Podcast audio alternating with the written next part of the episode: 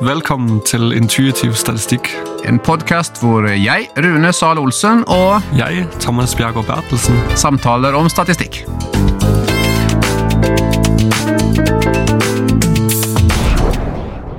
I dag skal vi snakke om grunnleggende med statistikk, noe vi rett og slett alle bruker hver dag. I dag for eksempel, så kjørte jeg bil hit til studio, og eh, da var det jo både rødt og gult og grønt lys jeg måtte passere. Og da tilpasser jeg jo farta etter det lyset jeg ser. Hvis det er rødt lys, som det da var, så tenker jeg ok, jeg sakter ned litt nå, i håp om at det skal bli grønt før jeg kommer frem, så jeg kan kjøre gli fint gjennom trafikken. Men eh, noen ganger så er det jo sånn at det er grønt, jeg ser at det har vært grønt en stund, og da gasser jeg på litt for å rekke over. Så liksom tenker jeg at hvor sannsynlig er at jeg skal rekke det. Da tenker jeg det er det langt ved en, ja, da gjør jeg ikke det. Men eh, så kan det også være sånn at det kommer inn noen andre effekter. Det kan jo være at jeg gasser på, men så ser jeg oi sann, det står visst en politibil parkert der. Som liksom oi, da, da kanskje jeg bremser ned allikevel, og tilpasser meg. Og da har jeg sånn sett brukt litt statistikk, i hvert fall sannsynlighetsberegning. Ja, og vel også litt med kategorisering. og liksom sånn, ja, Det er jo enten rødt eller grønt eller gult. Hastighet. Du jobber med tall hele tiden, Ja. men du tenker selvfølgelig ikke tall.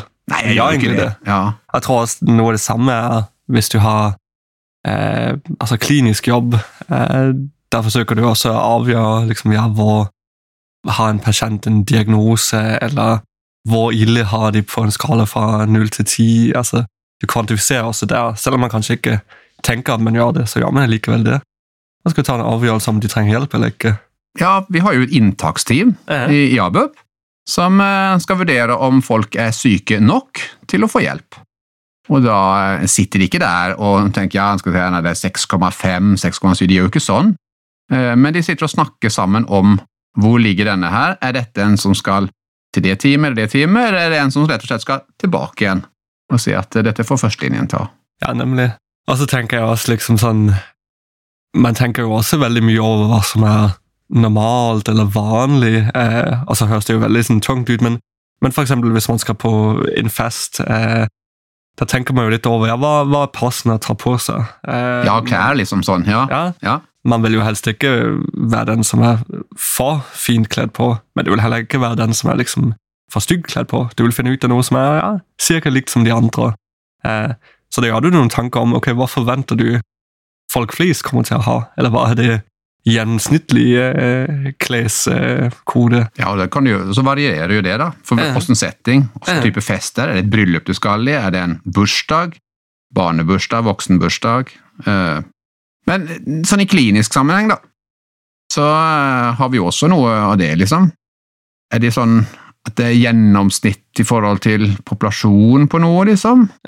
Ja, så tenker jeg også liksom Du forsøker jo å ha opp en mening om hva som er normalt og ikke normalt, i hvert fall i vår felt når det er barn og unge. Da er det jo liksom sånn, ja, hvis en tiårig gutt er redd for spøkelser, så er det jo noe annet enn hvis en eh, 42 år gammel mann er redd for spøkelser. Ikke sant? At, at for én person, en tiårig, er det kanskje ganske vanlig, det er jo ikke så rart.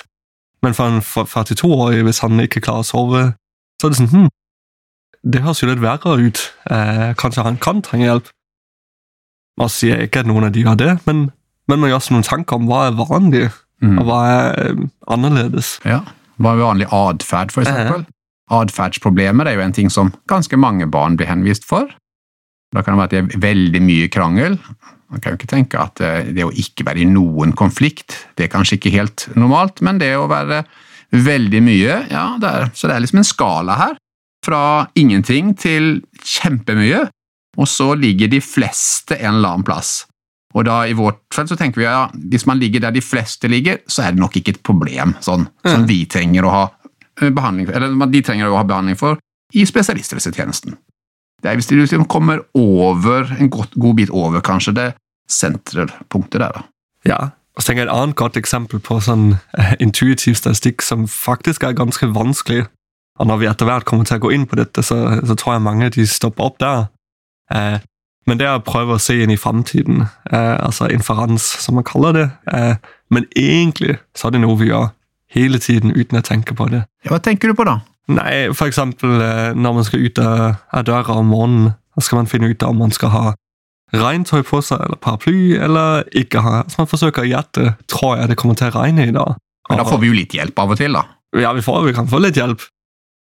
Du har uh, uer og, og diverse værapps, men du vet jo aldri, det er ikke sånn at de stemmer 100% hele tiden. Så gjør det opp en mening. Ja, tror jeg det kommer til å regne. Hvor mye kommer til å regne? Kanskje du ser ut, er det grått vær, er det solskinn? Eh, hvilken årstid er det? Er, det? er det typisk at det kommer byger eh, nå, eller er det typisk at det enten er regn eller ikke? Og Du forsøker å gjette, du forsøker å se inn i framtiden, egentlig. Da bruker du ganske mange forskjellige faktorer, egentlig. Se en sånn enkel ting som å bestemme om du skal ha med en paraply. Er det vinter? Eller sommer? Er det høst? Vår? Ja. Og så åssen været var i går, kanskje. Kanskje åssen været er på morgenen. Og så setter du i tillegg til informasjon fra én eller to værapper. Ja, og så tenker jeg også at det samme gjør vi også, altså i hvert fall i vår jobb eh, som klinikere. Når vi skal forsøke å bestemme hva, hva tenker vi kan være riktig hjelp eller riktig behandling for en person, der bruker vi jo vår eh, kliniske erfaring, og vi forsøker jo å høre litt på personen. Hva, hva, hva mener de? Og Vi forsøker alltid å gjette, men vi vet jo aldri. Kanskje vi velger helt feil behandling, og der kan vi jo heldigvis velge om, men, eh, men vi må gjøre et kvalifisert gjett. Og der, eh, der, bruker vi egentlig statistisk tenkning mm. for å se inn i framtiden. Så er det jo ikke alltid, da, for å bevege oss videre på et nytt begrep da, som vi kaller på engelsk da, for 'missing data'. Så Det mangler av og til informasjon. Det er ikke alltid vi har all den informasjonen som vi kanskje skulle ønske å ha. Mm -hmm. Og i hvert fall I det siste så har det jo vært mye møter på Zoom. Både privat har jeg hatt noe av det, og også i jobbsammenheng. Eh, og da av og til så skjer det at bildet fryser, og lyden forsvinner et øyeblikk eller litt lenger. Og da gjetter jeg jo hva de har sagt i mellomtiden. Hvis det ikke blir for lang periode, da må jeg spørre hva det er for noe. Og så kommer det an på hvis det er en samtale som ja, det er en jeg kjenner veldig godt, og vi snakker om noe som jeg kjenner godt, og jeg vet mer eller mindre hva de skal si, ja, da klarer jeg godt å fylle på. Men hvis det er litt komplisert, noen som holder et foredrag, og det forsvinner sånn, så detter jeg helt av, altså. Ja, det tenker jeg det er et veldig godt eksempel på uh, intuitiv uh, statistisk tenkning rundt noe som egentlig er ganske vanskelig statistikk. Altså det å å erstatte manglende informasjon med, med, hva du tror vil ha vært der. Altså som du sier, at Hvis det er veldig kompleks informasjon, og det mangler veldig mye, f.eks. du ser til en vanskelig forelesning, og det datter ut i fem minutter, der klarer du ikke å gjette det. Der må du si du, jeg, hørte ikke noe, det, det, du må rett og slett starte forfra. Men hvis det er en du kjenner godt, og det datter ut noen sekunder, da trenger du ikke å si at det, her kan du gjette, ja, de mente nok det, selv om du ikke hørte det. Og Sånn er det jo også at eh, når man i statistikk jobber med manglende informasjon, så er det jo også litt sånn man gjør noen overveielser over hvor vanskelig er det å gjette det som mangler, og hvor mye mangler. I, I, klinisk sammenheng så har jeg jobbet en del med å få, få, pasientene til å svare fra time til time, hvordan de har det, og hvordan timen sist var. og sånn. Men så er det jo ikke alltid eh, de svarte til hver time, så da mangler jeg informasjon. Eller så kan det jo også være at vi hadde planlagt en time i dag, så kom de ikke. Og så gjør jeg jo opp med en tanke, hvorfor kom de ikke, hvis jeg ikke fikk en beskjed, da? Eh, er det fordi at de nå hadde det så bra at de ikke syns de trengte å komme lenger? Eller er det sånn at de nå har det så dårlig at de ikke tør å komme og vise at de har det så dårlig, eller at de rett og slett ikke orker å komme? Så man har liksom et problem, i hvert fall, når man mangler informasjon. Og den manglende informasjonen kaller vi da for missing data, på engelsk, da, eller manglende data på norsk. da.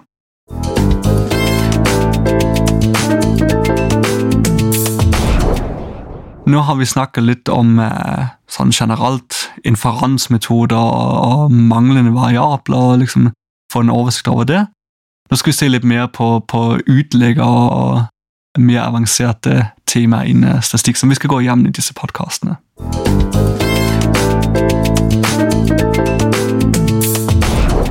Men skal vi bevege oss videre til et annet begrep i statistikken, da? Ja, det kan vi. Og nå tenker jeg, nå snakker vi jo om mange av de temaer som vi kommer inn på, og bare prøver å skape en intuisjon rundt um, at dette er helt vanlige ting, men det, det som kalles på engelsk outliers uh, Ut, Utliggere? Uteliggere. Ja. Uh, som er jo et stort problem for samfunnet. Men dette er en annen slags uh, uteliggere. Det er jo det når du har informasjon som som ikke stemmer med det du forventer, at det er for ekstremt på en eller annen måte. Så et godt intuitivt eksempel på det det er jo sånn autocorrect du, hvis du får en melding som du ser stemmer tydeligvis ikke. Uh, altså Personen kan ikke ha, ha ment dette her. Nei, jeg, jeg, jeg fikk en sånn melding her om dagen. Da sto det svar tilbake. Jeg hadde sendt en liten videosnutt. Og så 'Det blomsterløk', så jeg hørte ikke hva du sa. Og det hun egentlig skulle skrive, var 'det blåste', så jeg hørte ikke. Men så ble det til blomsterløk for den autokorreksjonen. Så da, jeg kjente jo hun som sendte den, og skjønte jo at her var det noe galt. Og da byttet jeg ut denne uteliggeren, blomsterløk, med blåste. Men det ble jo litt morsomt. Ja, ja, ikke sant? Men, eh, det er jo et godt eksempel på at der var det noe informasjon som det stemmer ikke med det du forventer. Det, det kan rett og slett ikke stemme at de har ment det. Så er det jo spennende å gjøre seg tanker om sånn, ja, hva er, hva er uteligger, og hva er bare naturlige ekstremer som ligger. I sånn, eh, I sånn klinisk praksis der kan man kanskje kjenne det igjen sånn at Se for deg at du har en, eh, en klient, eh, en, en ung jente som du har truffet noen ganger. og Mhm.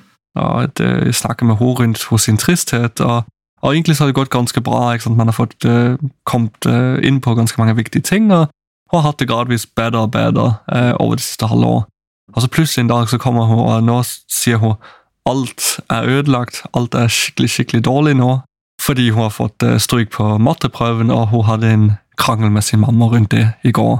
Ja, Eh. så det kunne vært derfor, liksom. Ikke sant? Så du skal gjøre opp sånn, ok, er det, skyldes det at det akkurat i dag er litt ekstra vanskelig av noe som just har skjedd? Eller er dette liksom starten på et tilbakefall, eller en, at vi nå er på vei ned igjen? Er det liksom en uteligger, eller er det, det er reelt? Så det må man vurdere både klinisk, men også da som forskere, om en datapunkt eller flere punkt eventuelt da er en uteligger, eller om det er noe som er en del ting som skal være med. Så det høres jo ganske intuitivt ut, det også. Ja. Ja. Noe annet, da, for å bevege oss videre, er et ord som eh, regresjon. Så eh, hva handler det om? Jeg tenker det kan være lett å tenke at det er noe du egentlig gjør hele tiden. Eh, Vi snakker jo i stad om det med at du, du kjører hen imot et lys, lyskryss, Ja, ja. Uh, enten du kjører på sykkel eller bil. Um, men du forsøker å ta høyde for forskjellige faktorer for hva som er, hva som er den beste måten å håndtere det. Skal du gasse opp? Skal du speede ned? Kanskje du har vært grønt lys lenge, så du tenker det kan være lurt å speede opp. Men så ser du en politibil eh, rett ved siden av, der er det kanskje lurt å speede ned. Du forsøker rett og slett å ta, ta inn mange forskjellige eh, faktorer for å vurdere hva er den beste måten å håndtere situasjonen. Så regresjon handler da om på en måte å predikere noe med, med forskjellige variabler, da, forskjellige ting som vi plukker inn, sånn som rødt og grønt lys, politibil, ikke politibil, så videre. Ja. Altså tenker jeg noe som er ganske intuitivt når vi snakker om det sånn, det er at hvis man da har uendelig mange faktorer man da tar høyde for, da kan det være at du klarer å gjøre den helt korrekte eh, vurdering, men i hverdagen er det ikke så nyttig. Fordi det, for eksempel du skal kjøre en mot lyskryss, du kan ikke ta høyde for hva retning vinden går i, om politimannen har hatt en god dag. Men du bruker enkle modeller. Og sånn er det jo også litt med regresjon, at du, du forsøker å skape den enkle modell som gir den beste løsning, eh, som du bruker i hverdagen. Så blir gjør også sånn, Hvis du skal ta med alle faktorer, så må du egentlig stoppe bilen og samle Ja. inn alle disse dataene. Så det, det, det, nemlig sånn, det, går, det går jo ikke. ja, så det er jo litt eh, ja, All models are wrong, but some are useful, som man sier. Altså Ja. at eh, Du forsøker å lage en nyttig modell, så det ikke det, Du forsøker å predikere noe med begrenset informasjon. Så klinisk, da, for å bevege oss over dit, så eh, hvor er det viktigst å starte når jeg skal hjelpe denne pasienten? Det kommer inn en tiåring som er henvist pga. uro.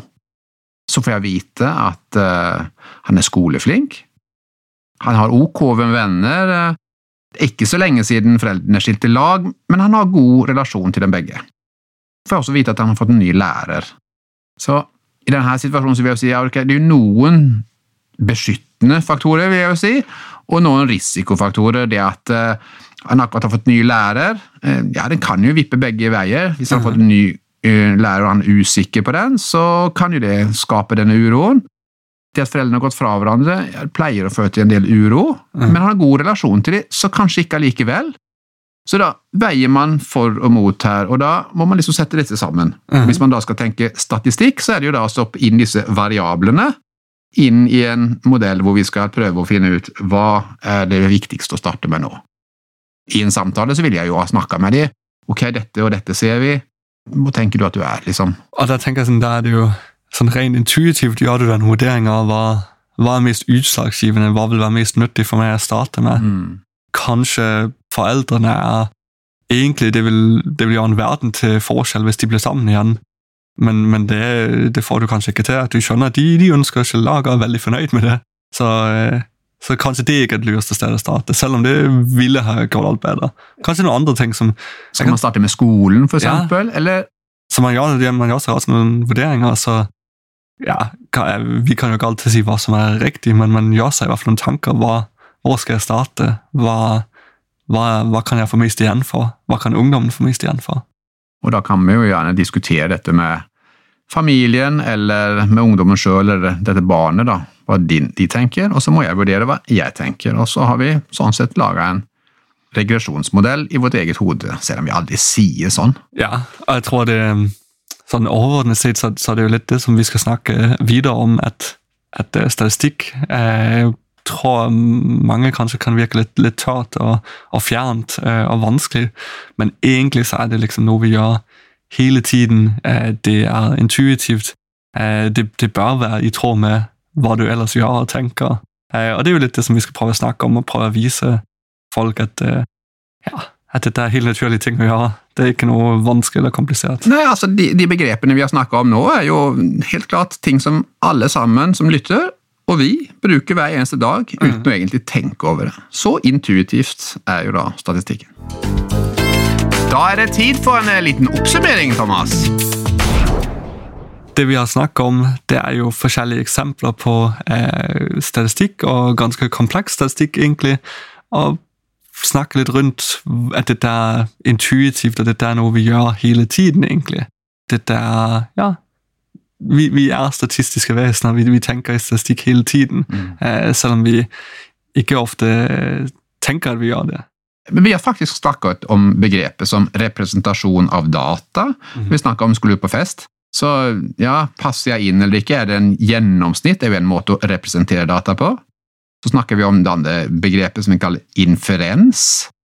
Altså å finne ut da hva skal jeg gjøre? Skal jeg ta med meg paraply eller ikke? Vi snakker også om uh, missing data, altså manglende datainformasjon. Og så videre om utliggere. Og til slutt om regresjon. Både du og meg, Thomas, jobber som forskere ved Avdeling for barn og unges psykiske helse ved Sørlandet sykehus i Kristiansand. Vi vil gjerne si takk til Sørlandet sykehus og vår kollega Semir Mojcik, som sammen med en pasient laget signaturmelodien.